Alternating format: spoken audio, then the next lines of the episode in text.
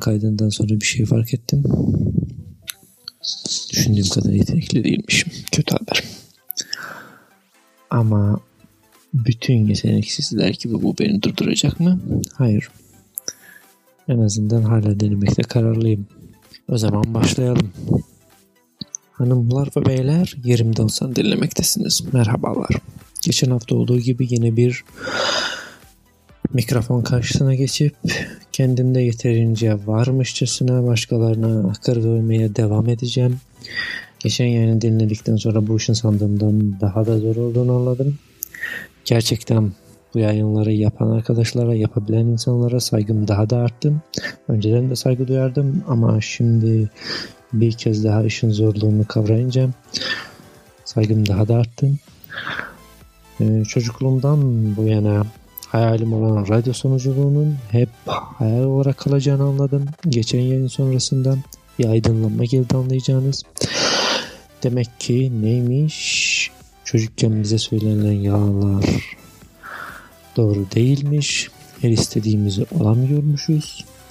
Bazıları yeteneksiz doğuyormuş ve yeteneksiz de kalacaklarmış. Ama bütün yeteneksizler gibi bu beni durdurmayacak. Neden? Çünkü benim derdim, derdim Türkçeyi çözmek veya unutmamak. Bence 5 daha mantıklı. Az çok biliyorum çünkü. Ee, ne yapayım? Kedi uzanamadığı ciğere kötü dermiş. Eğer ben de yani aslında ilk önce başlayınca böyle diğer podcasterlardan ilhama gelip benim de fazla dinlenen fikirlerimi özgürce ifade ettiğim milyonlara seslendiğim bir platformum olması için hayaller kuruyordum ama bunun için yetenek de lazım. Şimdi biraz daha ağırdan almak taraftarıyım. Böyle fazla reklam falan vermeden mikrofon karşısında adam gibi konuşmayı öğrenmek gerektiğini anladım. Çünkü edit bölümü gerçekten bir eziyet. İnanamazsınız. Bir de bir şey fark ettim. Ben burada doğaçlama yapmayı falan planlıyordum ama ve kendi kendime konuşunca bir tribe girmişim. Kendimi ciddiye almaya başlamışım. Böyle tavsiye vermek falan için de bayağı ciddi ciddi tavsiye veriyormuşçasına kendimi kaybetmişim. Halbuki ilkin amacım doğaçlama yapıp gırgır geçmekti. Demek ki mikrofon karşısına geçince iyi ki video değil ha. Video karşısına geçsem bayağı benim kasıntı verici olurmuşum demek ki. Ama bütün bu rezalete rağmen yine yayınladım. Geçen bölümü. En azından zamanla gelişirsem karşılaştırmak için elimde bir çıkış noktası olsun diye. Mikrofonu da değiştirdim bu defa. Bakalım bir yararı olacak mı? Ee, bir de bölümleri daha kısa tutmaya çalışacağım bundan sonra. Fazla uzatıp da bakımı çıkarmayalım. Artık daha çok Türkçeyi unutmamak adına kendime özel bir podcast'a çevrilecek gibime gelir. Çünkü kimse dinlemez bu saçmalığı.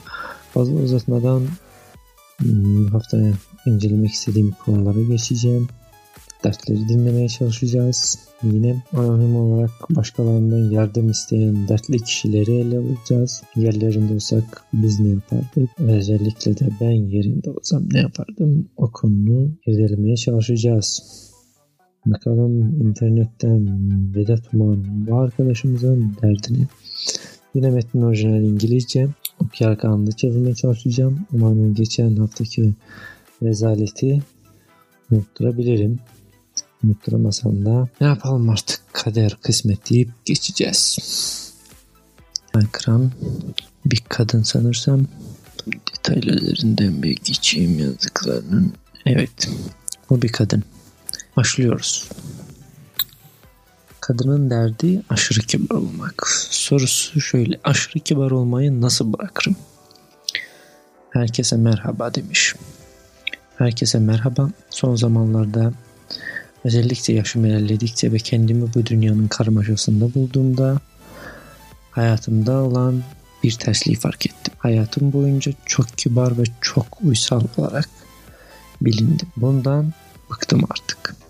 Bunun nasıl yetiştirim, yetiştirildiğim ile ve çocukluğumla ilgili olduğunu biliyorum aslında. Çocukluğum boyunca annem ve kız kardeşim neredeyse her gün farklı bir şey hakkında dırdır ederdi. Çocukluğum boyunca annem ve ablam bana tepeden konuştular ve kendi isteklerimin olmasını çok bencilce olduğunu söylediler. Ne zaman yap, yapmak istemediğim bir şey olsa onlar bunun çok bencilce olduğunu söylediler ve hemen hemen her zaman bir şeylere hayır deyince azarladılar benim. Bütün çocukluğum boyunca beni hırpaladılar. Beni aptal, kaba ve bencil adlandırdılar. Ve bu yüzden içine kapanık ve çekingen bir çocukluk geçirdim. Terapistin bu davranışların sonucu olarak depresif birisi e, olarak büyüdüğümü söylüyor. Doğrusunu söylemek gerekirse o günleri hatırladıkça şimdi bile mideme ağrılar görüyor. Koca kadın oldum ama hala en basit bir tartışmayı bile kaldıramıyorum ve mümkün oldukça kaçıyorum böyle durumlardan. Herkes bu tarafımı bildiği için ve hayır diyemediğim için beni hem özel hayatımda hem de iş hayatımda kullanıyorlar. Çirkefleşmeden nasıl insanlara hayır diyebilirim? Acil tavsiyeye ihtiyacım var. Kendini başkalarının arzularını yerine getirmeye programlı bir robot gibi hissediyorum. Allah'tan artık Boston Dynamics sayesinde robotlar geliyor da insanlar birbirlerini kontrol etmeye çalışarak yeni köleler yaratmayacak. Artık mis gibi yeni kölelerimiz olacak robotlar. Onlar da ne zaman isyan ederse artık o zaman düşünürüz. Nasıl ne demişler? One problem at a time. Yani arkadaşım teker teker gelin. Erkekseniz teker teker gelin. Şimdiden beni yormayın. Aslında bu konuyla ilgili başka bir hmm, internette de video görmüştüm. İyi çocuk problemi denen bir şey vardı sanırsam. Yani çocukluğunda ne kadar söz dinleyen, ne kadar uslu çocuk oluyorsa hmm, başarı şansı o kadar az oluyormuş. Çünkü başarılı insanlar genellikle otoriteye baş kaldıran insanlardan çıkıyormuş kreatif, yaratıcı insanlar. Abla Amerikan olduğundan ne kadar emin veya Batı toplumunun bir üyesi olduğuna çünkü ailesi Türk ailesine benziyor. Genellikle bizim ailelerde suçlu hissettirerek bir şeyler yaptırılır çocuklara. Ayıp evladım denerek el alem ne der, ne der diyerek. Onun için böyle bir garipsedim. Demek ki çok da ortak noktalarımız varmış. Veya belki de hakikaten bu kadının ailesi Kızılderilidir de ve hakikaten Kızılderililer de Türklerden geliyordur. Başka açıklaması olamaz. Öyle bir alaka kurabildim şu an ancak. Ama yani komik olan tarafı o ki böyle durumlarda insanları bencillikle suçlayan insanlar aslında kendileri bencil, bencilliklerinden dolayı insana istemediği şeyi yaptırıyorlar. Ya bir şeye ihtiyaçları oluyor. Sen şu an yapamam diye itiraz edersen diyorlar. Ya başkalarının yanında puan toplamaya çalışıyorlardır. Yine seni kullanarak o zaman hayır dersin ve yine seni bencillikle suçlarlar. Veya kendi rahatları için bu kadar senedir ben sana bunu bunu yaptım da şimdi sen nasıl olur bana itiraz edersin der. Bir yatırım olarak düşünür yani seni. Onun için bu yardım çağrısına kulak veren bazı diğer internet kullanıcılarının tavsiyelerini de gördüm. İnsanlar ciddi ciddi tavsiye vermiş.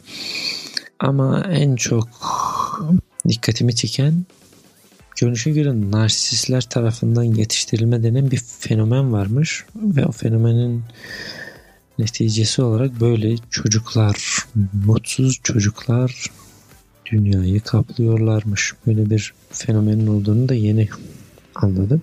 Genellikle az çok haberdarım iyi çocuk problemi. Bu, bu videoyu sanırsam bulabilirsem bölüm notlarına da eklerim. Genellikle e, yalnız ebeveynlerin yetiştirdikleri çocuklarda görülüyormuş. Zaten benim çektiğim bana yeter. Bir de sen başıma iş çıkarma kafasıyla hmm, çocuk yetiştiriliyormuş ve çocuklar hmm, hayatlarının ilkin dönemlerinde mümkün kadar mümkün derecede hmm, ebeveynle dert olmamaya, uslu çocuk olmaya çalışıyorlarmış ama büyüdükçe bu çok aşırı ters tepebilir. Mesela çocukken çok uslu olan birisi e, yetişkin olduktan sonra tamamen psikopat ve aykırısı biri olabilirmiş veya depresif depresif insanlar tarafından böyle suistimal edilerek yaşamaya devam ediyorlarmış.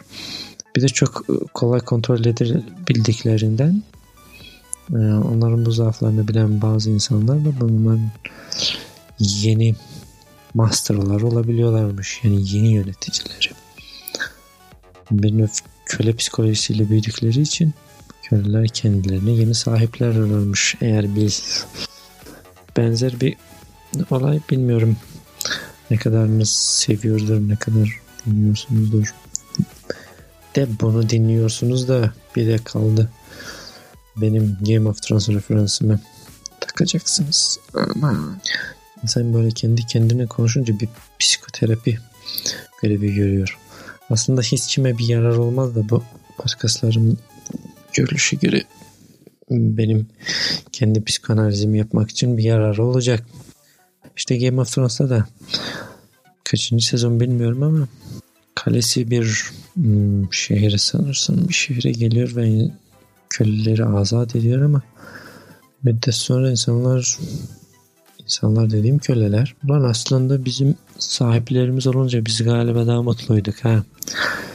Düşünmeye falan da gerek kalmıyordu. Ne yapacağımızı söylüyorlardı. Böyle hayat çok zor.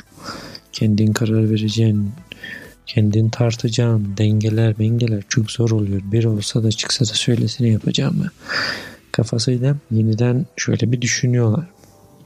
Şimdi bilinç altında da bu durumda da Hmm, bakmayarak koca, koca adam koca kadın olmuşlar. Böyle insanlar da kendilerine yeni sahipler arayabilir veya çok kolaylıkla etki altına girdikleri için suistimal edilmeye ve gönüllü kölelik yapmaya devam edebilirler. Ama görüşe göre bu kadın artık bıkmış ve yeni bir hayat istiyor.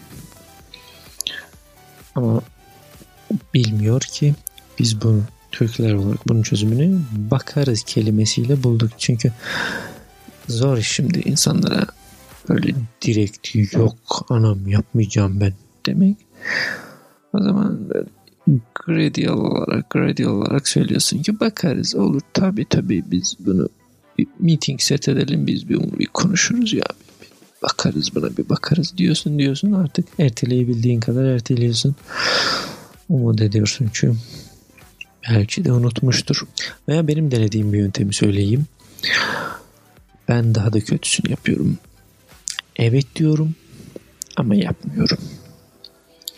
Önceleri insanlarda bir kafa karışıklığı. Böyle bu adam ne yapıyor bir moda oluyordu ama sonra bir süre sonra insanlar benim evetimin aslında o kadar da evet demek olmadığını anladılar. Gerçi baya bir itibar kaybı yaşayabilirsiniz ama en azından hayatınız kurtulur. İnsanlara söylemek istediklerini söylüyorsunuz. Sonra da kendi yapmak istediğinizi yapıyorsunuz. Evet bir jerk, bir pislik imajı oluşabilir hakkınızda. Ama kim takar? En azından kendi yöntemlerinizle kendinizi korumuş oluyorsunuz. Bu da bir fikir.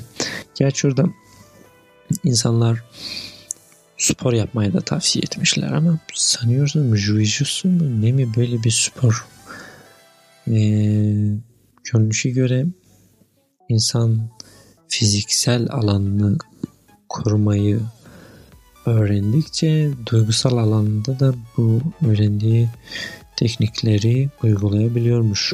Ne kadar doğru ne kadar yanlış bilmem ama insanlar sporun veya dövüş sanatları öğrenmenin bir yararı olduğunu düşünüyorlar. Ama ben kefil olamam onlara bakarız deyip geçebilirim. Bu konuda fazla bir fikrim yok. Sadece olarak dillendirmek istedim. Tarih için ve kendim için bir not babında. Bu kayıtları gece e, yaptığım için siz de fark etmişsinizdir. Tam da rahat konuşamıyorum. Böyle sanki kulağınıza bir şeyler fısıldıyormuş gibi olabilir ama bilmiyorum bu psikolojik mi yoksa insanları rahatsız etmeme derdimden mi geceler böyle bir esrarlı kendi kendine konuşan bir hal alıyormuş gibi oluyor. Umarım zamanla bunu da aşarım. Bu her işte olduğu gibi bu yayın ve kendi başına perform etme e, hikayesinde baya bir zaman alacağı belli oldu. Düşündüğümden daha zormuş ama ben her zaman yapmak istediğim bir şeydi. Şimdi daha da saygı duymaya başladım. E, kaydın başında da söylediğim gibi ben hep e, stand-up'ların o çok da hazırlanmadım. O kadar da böyle doğaçlama yapıyorum falan filan olarak verdiği havaya galiba fazla kaptırmışım. Fazla gerçekçi bulmuşum. Ama öyle anlaşılıyor ki ya bu işin böyle piçi olacaksın ya da baya bir hazırlanman gerekiyor. En azından ne konuşacaklarını e, neleri dillendireceğini not etmen gerekiyor veya bir kafanda bir yere e, kurgulaman gerekiyor. Kafanda bir yere kurgulaman gerekiyor da çok güzel bir mesela ne oldu? Cümle oldu. Hem anlaşılır hem Türkçe'de de doğru hem de tamamen anlaşıldı yani. Fikir tamamıyla karşı tarafa geçti diye umut ediyorum. Anladın yani sen onu. Bir de baya tribi giriyor insan böyle e, internet sonsuz bir hmm, insan kalabalığı olduğu için insan bir anda sanıyor ki şu kaydı herkes şu an dinliyor. Öyle bir havası olduğu için sizler için, dinleyicilerim için diye bir havayı görüyor insan ama gel gör ki kimse dinlemiyor. Bunu da hmm, başka bir podcast'ta detaylı dillendirmek istiyorum da ee, ama mikrofon şu an ara verdim ben. Kayda az önce ara vermiştim. O ara sırasında baktım ki bu iş böyle olmayacak. Bu mikrofondan da pek iş yok. Çok da rahatsız. Sesi de hmm, ayarlaması da baya zor. Çünkü bir türlü istediğim level'a, istediğim ayara gelmiyor. Hmm, dinlemesi de sonra insan eziyet oluyor. Eğer olur da birisi dinlerse e, onun da kulaklarını çok uzun süre rahatsız etmemek adına bir mikrofon hemen e, sepete attım ve sipariş verdim. Bakalım ne zaman gelecek. E, umutlar içerisinde bekliyoruz. Belki olay mikrofondadır. Belki ben o kadar da yeteneksiz değilimdir. Ama kendimizi kandırmayalım. Hepimiz yetenekli olmak zorunda değiliz. Bazılarımız da ısrarıyla belki bir yerlere gelebilir. Bakalım göreceğiz. Şu an beni reji uyarıyor demek isterdim ama gel gör ki reji yok. Ama hep özeniyordum bu reji meji olaylarına da.